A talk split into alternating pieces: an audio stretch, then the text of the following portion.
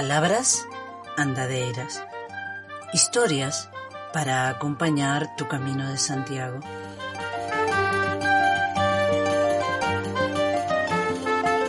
Bienvenido, bienvenida seas a esta tierra. Aquí continuamos con estas palabras andadeiras que pretenden ser pequeñas ventanas a otras historias, lugares, gentes y paisajes de este camino que ahora recorres. El suelo, que ahora pisan tus botas, generando un sonido acompasado e hipnótico, es el mismo que durante cientos, miles de años pisaron otros y otras de ida y vuelta. Sus huellas llenaron de voces el paisaje. Galicia. Galicia es agua y piedra, pero sin las palabras sería otra agua y otra piedra.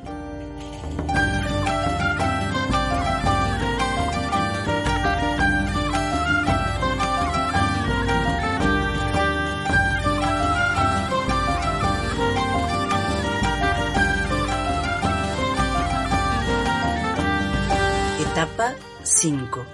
Palas de Rey, Melide. El paisaje que ves. Comenzamos la etapa más larga del camino francés en Galicia, con mucho desnivel y una riqueza paisajística, cultural e histórica considerable. Por eso dividiremos la etapa en dos bloques de palabras andadeiras.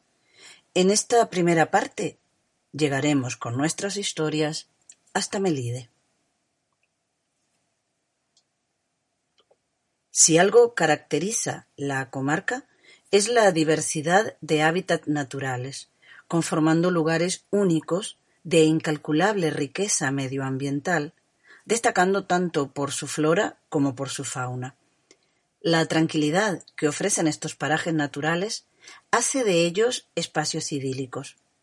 A la presencia de robles y castaños centenarios tenemos que sumar helechos y plantas de flor como los narcisos silvestres y también hierbas medicinales, brañas y turberas. La frondosidad de los bosques se alterna con los prados donde las vacas se alimentan de manera natural, produciendo la leche que luego se transformará en uno de los quesos de mayor producción de Galicia y del Estado español el queso Arzúa Ulloa. Estos prados beben de los riachuelos que nacen y se extienden por todo el territorio, desde los ríos Ulla y Pambre. En un entorno tan privilegiado en corrientes de agua y con la seña de identidad que le da el río Ulla y los altos del Mácara, es natural que hablemos de la relevancia de sus recursos pesqueros, sin olvidarnos de anfibios y mamíferos acuáticos como las nutrias. Entre las especies de caza destacan el jabalí, la perdiz, el conejo, la liebre y entre las de pesca la trucha y por supuesto el salmón.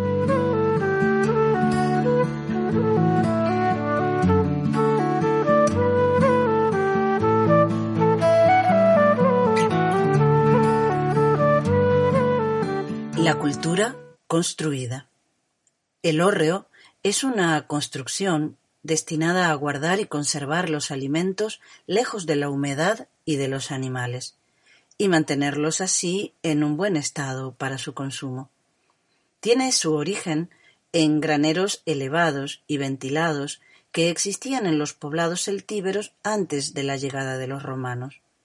Marco Terencio Barrón, que en el siglo I Cristo recorrió Hispania con Pompeyo, hablaba de unos graneros sobre tierra empleados por los galaicos. La consolidación del hórreo como tipología se producirá a partir de los cambios resultantes de la introducción del cultivo del maíz en el siglo XVII, que desplazará a otros granos menudos como alimento primario en las clases populares, sobre todo en Galicia y Asturias. En Galicia recibe diferentes nombres según la zona: cabazo, paneiro, cabastro, hórreo. Se trata de un edificio de poco tamaño, oblongo y de planta rectangular, con cubierta a dos aguas. Sus dimensiones, materiales y elementos empleados en su construcción son muy variados. Para levantar hórreos se emplean múltiples soluciones arquitectónicas que varían con las características climatológicas y edafológicas del lugar, con las necesidades de la casa y con la peculiar manera de hacer de cada maestro de obras. El hórreo se compone básicamente de una base, una cámara, un medio de acceso y unos elementos ornamentales y simbólicos. La base tiene como finalidad alejar la cámara del suelo. En general existen cuatro tipos de soportes. Los esteos o columnas, las cepas o muros transversales, el celeiro o base cerrada y la cepa maciza. Es común encontrar soluciones que combinen todas o varias de estas tipologías.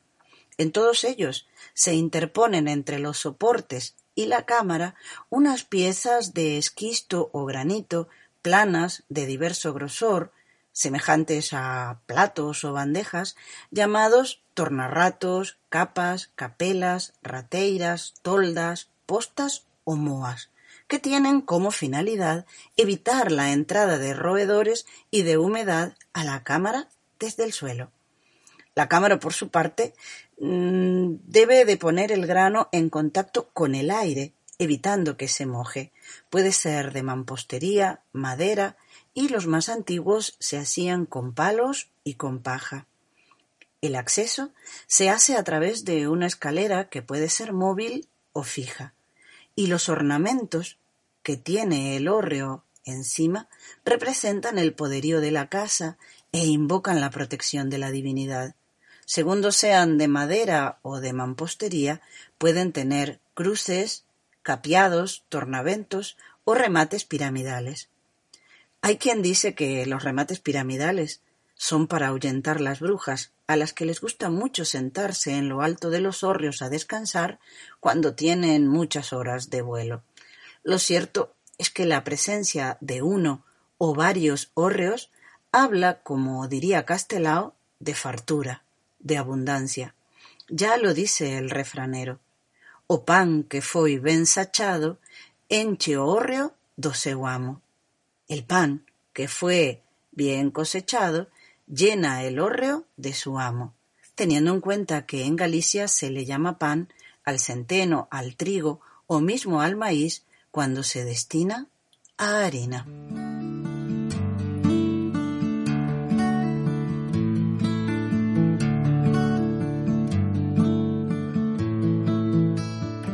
Palabra de autor.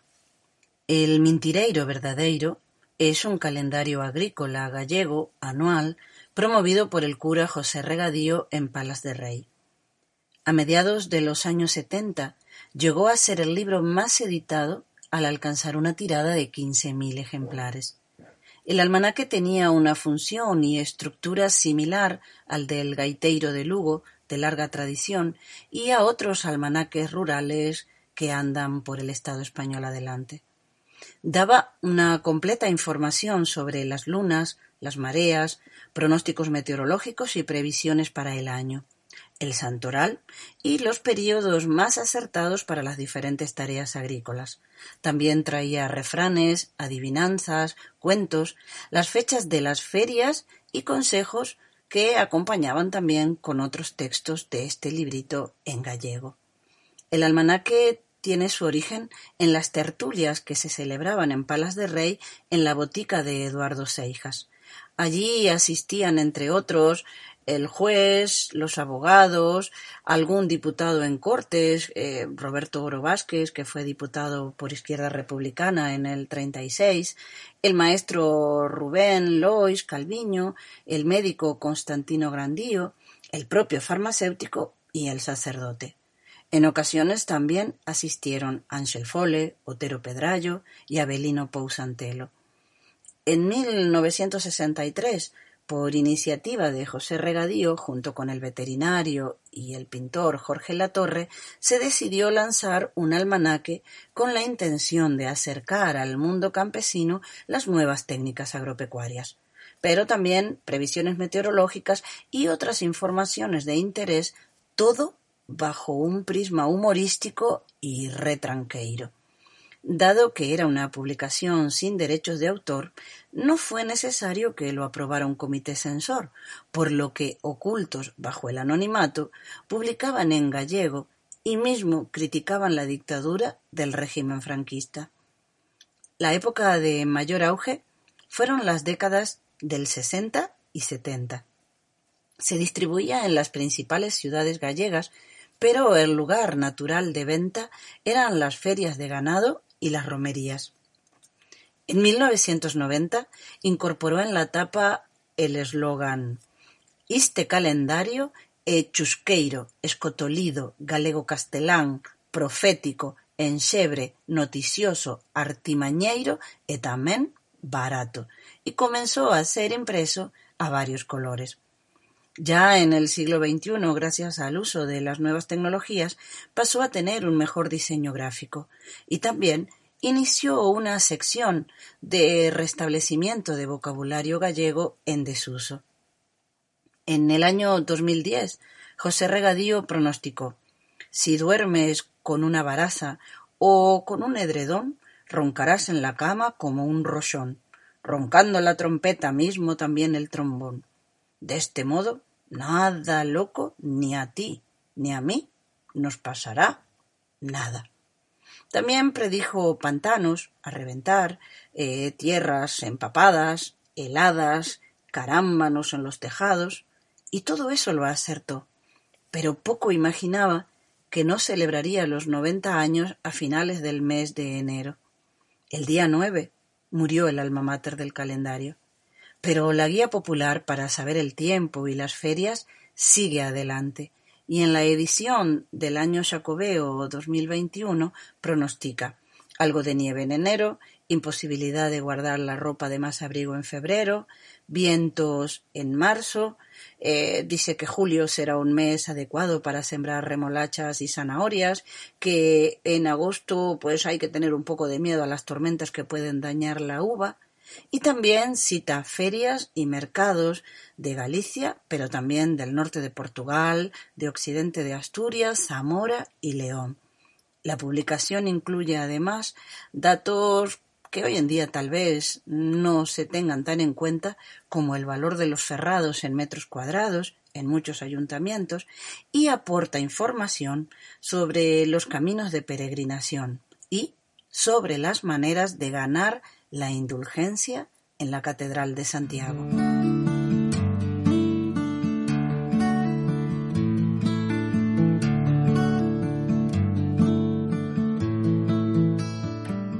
La mesa del camino. Hace años, Gwyneth Paltrow se enamoró, como nosotros, de Paradas Vestas, la casa rural y restaurante de María y Suso. ¿Quién mejor que María Varela para hablar de la cocina Ulloan. María es capaz de sacar lo mejor a los productos de la comarca, fusionando recetas tradicionales con las técnicas más vanguardistas y una presentación cuidada que le ha valido premios a nivel autonómico y nacional, pero por sobre todo el cariño de todos los que vamos a su casa. Son María Varela, cociñeira da Casa de Turismo Rural A Parada das Vestas, en Palas de Reina, Ulloa, no Centro Xeográfico de Galicia. A miña contorna é como un abrigo de pel de erva verde, mullido e acolledor. Consecuencia, creo, de chover e chover desde o principio dos tempos. Estes pastos son por eso paraíso para as vacas, donas indiscutibles deste rural. Aquí desde sempre se lles puxo nome, se falaba con elas e aínda se lle rezaba unha especie de plegaria de agradecemento cando marchaban da casa. Bueno, casi como membros da familia. De todos os manxares que nos ofrecen as vacas, vome centrar na manteca cocida. Esta manteca cocida non é outra cousa que o resultado da cación da manteca fresca. E a manteca fresca é o resultado de bater a tona do leite. Canto máis graxa teña o leite, máis cantidade de tona e mellor calidade da manteca ten proceso ancestral de conservación e xa moi empregado en, en, en distintas culturas. Con esta cocción temos dous produtos. A parte noble, que sería a manteca clarificada, a nosa manteca cocida, e o soro, que sería o desperdicio. En algún tempo non era tal desperdicio, porque se aproveitaba todo, sobre todo aquí no, no rural e se facía con el, con este líquido blanco, unha especie de revolto, engadíndolle pan reseso cortado en anaquiños e azucre ou mel. Eh, chamábase freces. A manteca clarificada, sería a parte noble, vamos a utilizala como ingrediente principal na nosa tarta de manteca un postre típico da olloa que se facía polas festas. Ahora forma xa parte da nosa inxesta habitual. Necesitaremos para a tarta de manteca 250 gramos de manteca, 250 gramos de azucre, 350 de fariña, 5 ovos, media copa de auga ardente, ralladura e zume de medio limón. Batemos a mantequilla a temperatura ambiente, engadimos o azucre, o limón e a auga ardente. Seguimos batendo e incorporamos os ovos. E por último, a fariña, Poñemos todo en molde e metemos no forno 40 ou 45 minutos aproximadamente hasta quedar douradiña. É unha receta ben sinxela. Teño moitos recordos desta tarta de cando era pequena. Nas vísperas das festas, aquí no forno do, do, do, do barrio, na panadería de Higinio. As nais batendo a mau en cubos, e nós, pequenos, embadurnando os moldes para enfornar. Convídovos a coñecer esta comarca e tamén este postre, que podedes degustar en moitos establecementos, en especial en a Parada das Vestas, onde volo poñeremos para almorzar, de postre ou tamén de merenda. Desde fai 23 anos non paramos de enfornar. Música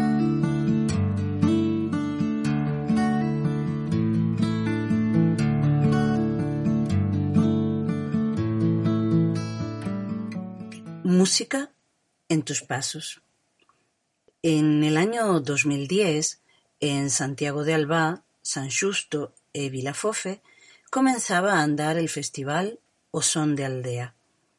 Se trata de un proyecto que pretende despertar, dinamizar y recobrar la vida que no hace tanto tiempo tenía el rural gallego. Los vecinos y vecinas preparan en verano cuentos, leyendas, interpretaciones teatrales, mesas redondas, espectáculos, conciertos, haciendo cobrar vida a los rincones del lugar. En una suerte de feria teatral ambulante, el público recorre los caminos y encuentra hermosas escenas en medio de los bosques, casas, senderos y fuentes. En la primera semana de septiembre hay una cita para celebrar que eres, que somos, de aldea. As Cantigas de Elena es un proyecto que recopila melodías recogidas a Elena Alonso Pino, nacida en 1928, por parte de María Vidal, Piche Abollado y el nieto de Elena, Pipo Alvariño. Elena recuerda multitud de melodías, algunas de ellas muy antiguas, y las canta dun xeito de una manera irrepetible. Después de una sobremesa en la Nochebuena del año 2016, Pipo, María y Pichi decidieron que las hermosas melodías que conservaban de Elena no podían permanecer más tiempo en el olvido. Y así nació este proyecto, Las Cantigas de Elena, que estuvieron en el Festival O Son de Aldea en el año 2018.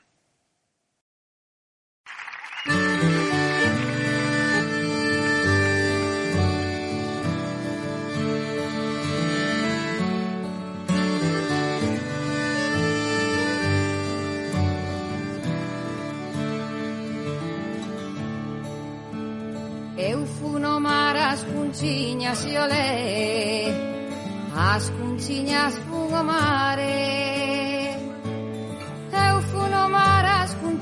cunciñas e olé De noite polo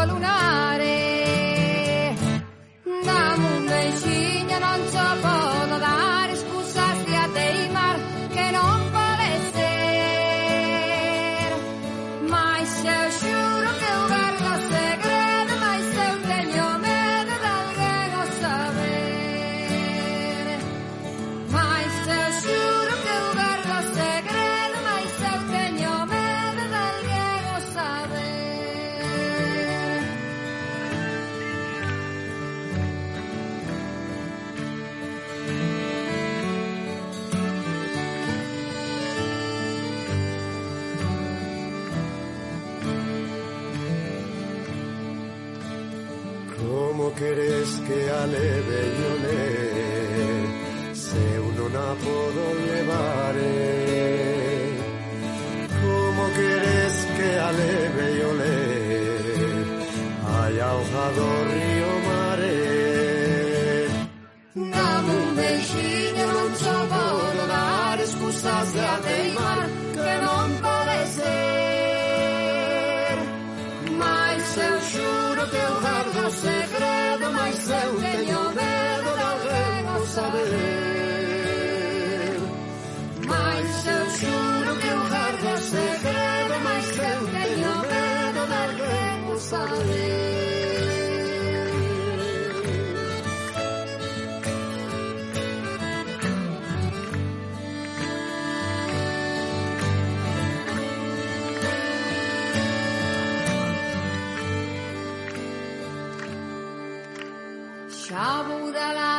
querida e olé Xabuda da derradeira Xabuda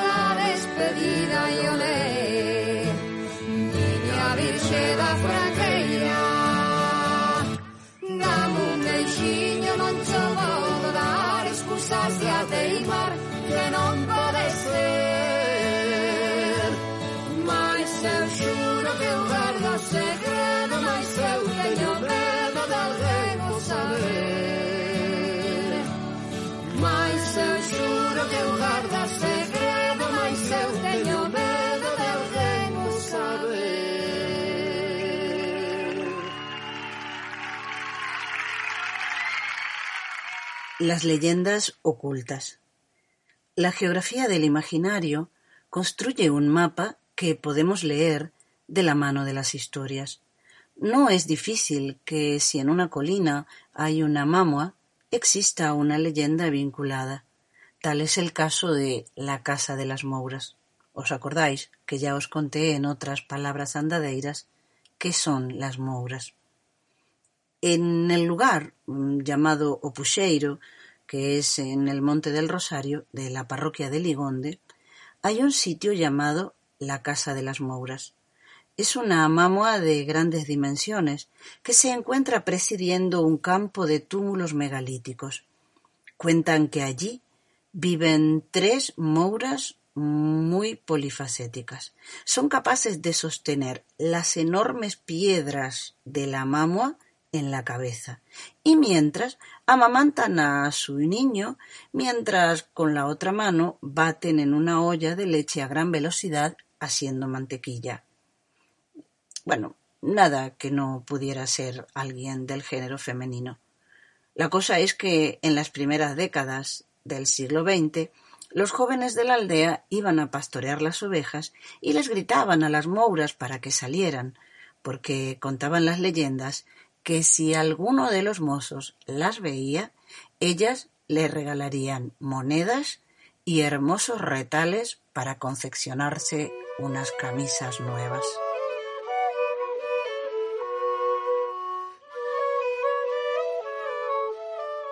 ¿Os acordáis que en la primera etapa os comenté que el viajero inglés Borrow tenía un guía que era nubeiro? Pues aquí os cuento lo que son los nubeiros. En otros tiempos, en las tierras de Ulloa, dicen que los sabios subían a lo alto de los montes para leer en los dibujos que las nubes hacían en la tierra el futuro de las cosechas y de las gentes. Eso si ese día no andaban nubeiros por allí cerca. El nubeiro es un ser sobrenatural, que a veces toma forma de figura humana y que se encarga de provocar las tormentas para hacer daño. Sus poderes maléficos sólo se pueden evitar recurriendo a un cura que los sepa exorcizar, tocando las campanas o leyendo en un libro. Viajan sobre las nubes, las reúnen, mandan en ellas y son capaces de controlar los rayos y los truenos, los vientos y las lluvias, porque son bastante resentidos. El ruido de los truenos lo causan con los suecos de madera que llevan, o con unas tenazas, o con otros instrumentos metálicos, o un carro. Y mientras arrastran todo eso por el cielo, van haciendo el ruido de la tormenta. A veces, si uno de estos elementos se les cae, nace un rayo. Los nubeiros actuales parece que son brujos y no otra cosa, por eso también les llaman negrumantes o nigromantes. Contan que una vez, en Abadín, estaban a media cosecha cuando se presentó una tormenta de miedo. El cura le ordenó a la gente que se metiera rápidamente a cubierto, mientras él cogió un libro y se puso a leer. La tormenta se deshizo rápidamente. Pero luego, misteriosamente comenzaron a caer montones de peras que cubrieron toda la era. El cura no dejó a la gente que las cogiera hasta que él las bendijo. Después sí, después comieron peras hasta reventar. En otro lugar, que no recuerdo muy bien el nombre, me contaron que hubo una tormenta y el cura se puso a leer en la sacristía para esconjurar los nubeiros. Un niño que estaba observando lo que hacía vio como el cura mientras leía sudaba una barbaridad. En el momento de mayor estruendo, el cura le dijo al niño ¿Quieres ver lo que pasa ahí fuera? Y el niño, claro, dijo sí, pues tócame en el hombro izquierdo. Al tocarle el hombro, el niño vio docenas de hombres armados con lanzas y cuchillos.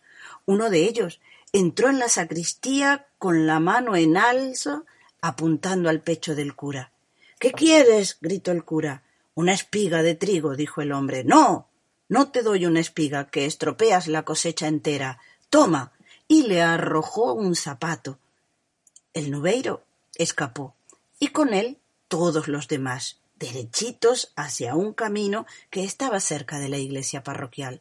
Allí descargaron como una especie de arena que llevaban así en las manos y en los bolsillos y desaparecieron. Al irse derritiendo aquello, se pudieron ver unas piedrecillas como bolas lisas de las de jugar, muy bonitas, porque cuando los nubeiros arremeten con un cuchillo, pueden llegar a matar si el cura se resiste. Si les da lo que piden, la granizada derramaría las cosechas empezando por la del cura. Pero si éste es ágil, y justo cuando le lanzan el cuchillo se mete debajo de la artesa, de la mesa, o, o les tira con algo, pues el nubeiro queda derrotado y tiene que ir a descargar la tormenta muy, muy lejos.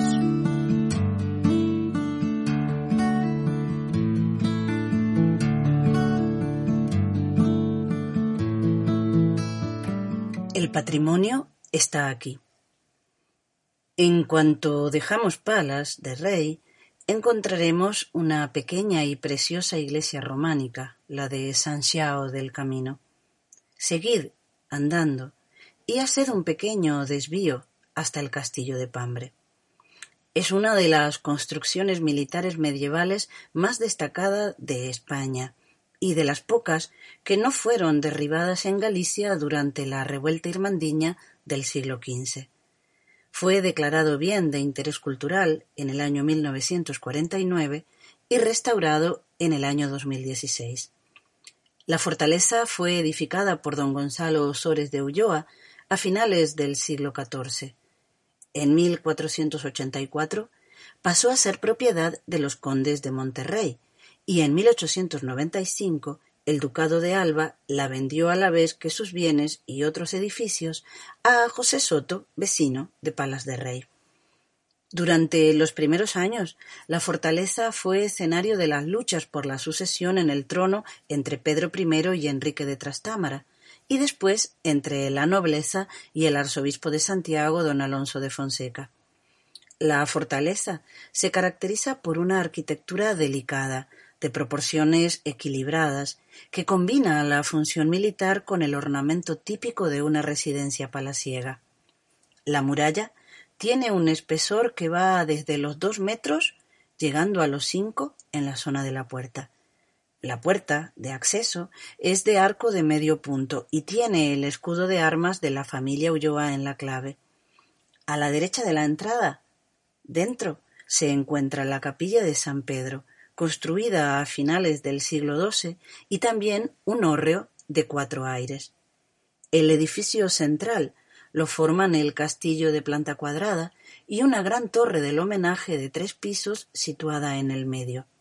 En la cumbre del castillo se sitúan otras cuatro torres de menor tamaño que están comunicadas entre sí formando una segunda muralla con puerta hacia el oeste. En el año 2014, durante las excavaciones, bajo Pambre aparecieron evidencias de uso del espacio por lo menos hasta la época galaico-romana. Pero no es menos espectacular la colección de hallazgos bélicos, una enorme colección de puntas de flecha, una rodela de una armadura y un pozo de agua que garantizaba la supervivencia de los habitantes del castillo en un período de asedio. Alrededor de la capilla y descendiendo desde ella es donde aparecen los restos más antiguos de la intervención arqueológica. Como es de suponer en un templo medieval, aparecen mismo en distintos niveles una necrópolis muy usada a lo largo del tiempo. La presencia de materiales tan importantes como un hermosísimo mango de un puñal induce a pensar que el lugar tuvo mucha relevancia en su época. Una colección importante de monedas también da cuenta de los momentos medievales de ocupación del castillo, pero el material, material militar, supone un vistazo directo a la enorme conflictividad social de la Galicia de los siglos XIV y XV. Pambre es un castillo tan canónico que las obras de rehabilitación mostraron todos los elementos que uno podría esperar de un castillo, por caso las poternas de Pambre, no son los pasadizos de las leyendas, esos que mencionan túneles que iban de un castillo a otro de Galicia, pero tienen un aire parecido. De esos pasadizos o túneles nos habló un día un vecino desde la otra orilla del río.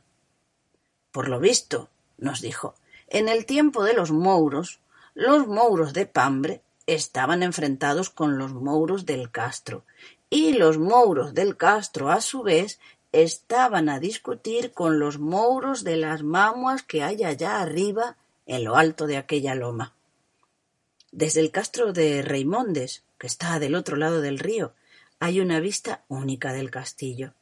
Después de atravesar los fosos del castro, entre los pinos, surgen, como un árbol más en la loma del monte, las almenas de la torre del homenaje.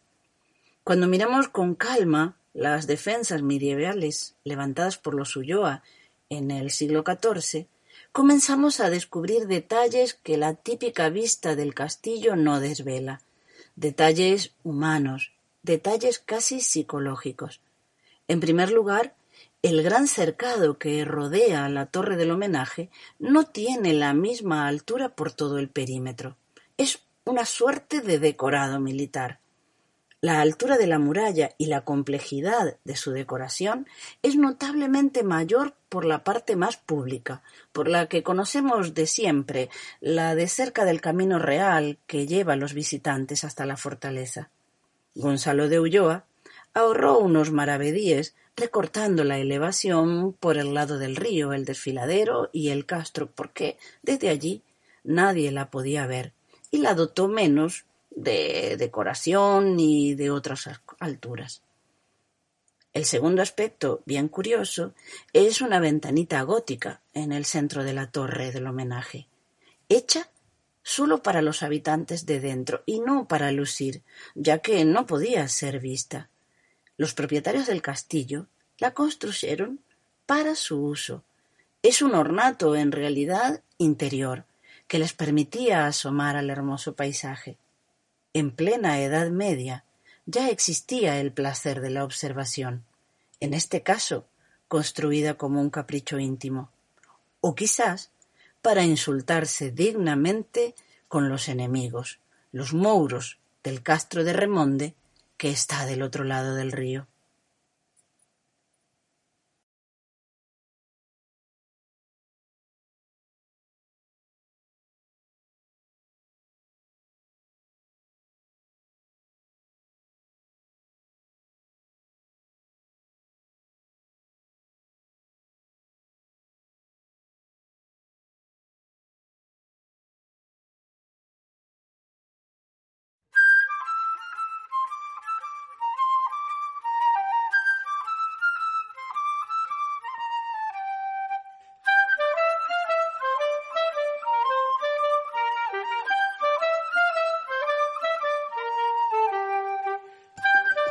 Palabras Andadeiras es un podcast escrito y realizado por Soledad Fellosa.